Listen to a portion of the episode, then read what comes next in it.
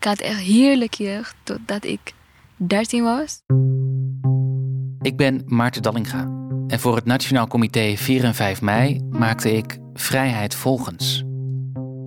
Ik heb uh, met mijn familie twee oorlogen meegemaakt en gezien.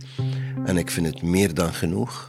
Een zesdelige podcastserie waarin ik mensen interview die ooit voor oorlog of onderdrukking naar Nederland vluchten.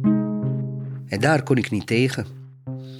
Daar kon ik niet tegen. Dat was echt. Uh, dat, dat, dat, zijn gewoon hele slechte dingen gebeurd. Mensen worden doodgeschoten omdat ze even een, een andere nationaliteit hebben.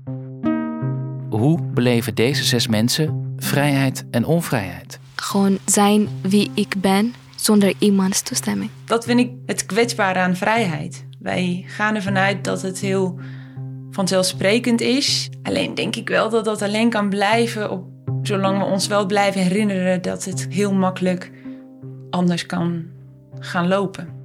Vrijheid volgens vind je in je podcast-app en op 4 en 5 mei.nl slash podcast. Ik ben niet minder of meer dan jullie. Ik ben gewoon mens, gewoon een mens, die had gewoon een andere ervaring in een andere land. Het gaat niet goed daar. Dat wil je laten horen? Ja, dat wil ik laten horen en een oproep doen. Help die mensen daar of doe iets